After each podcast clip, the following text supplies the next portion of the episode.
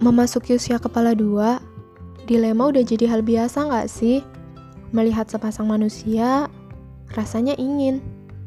Tapi jadi sendiri juga cukup menyenangkan.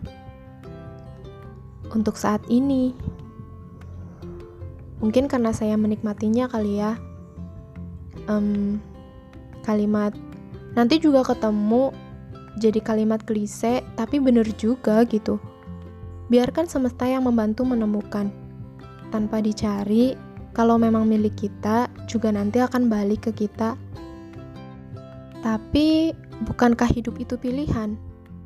Jadi, setiap individu berhak menemukan bahagianya sendiri. Entah bersama pasangannya, buat yang ada.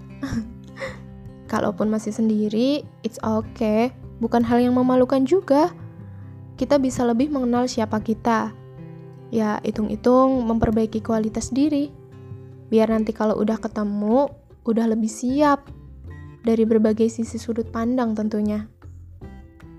Ini sih menurut saya, mungkin ada yang sependapat atau malah sebaliknya. Balik lagi, setiap individu nggak bisa disamaratakan.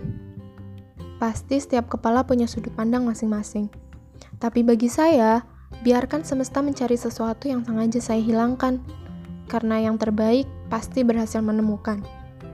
Kalau ditanya kapan, ya nanti juga ketemu.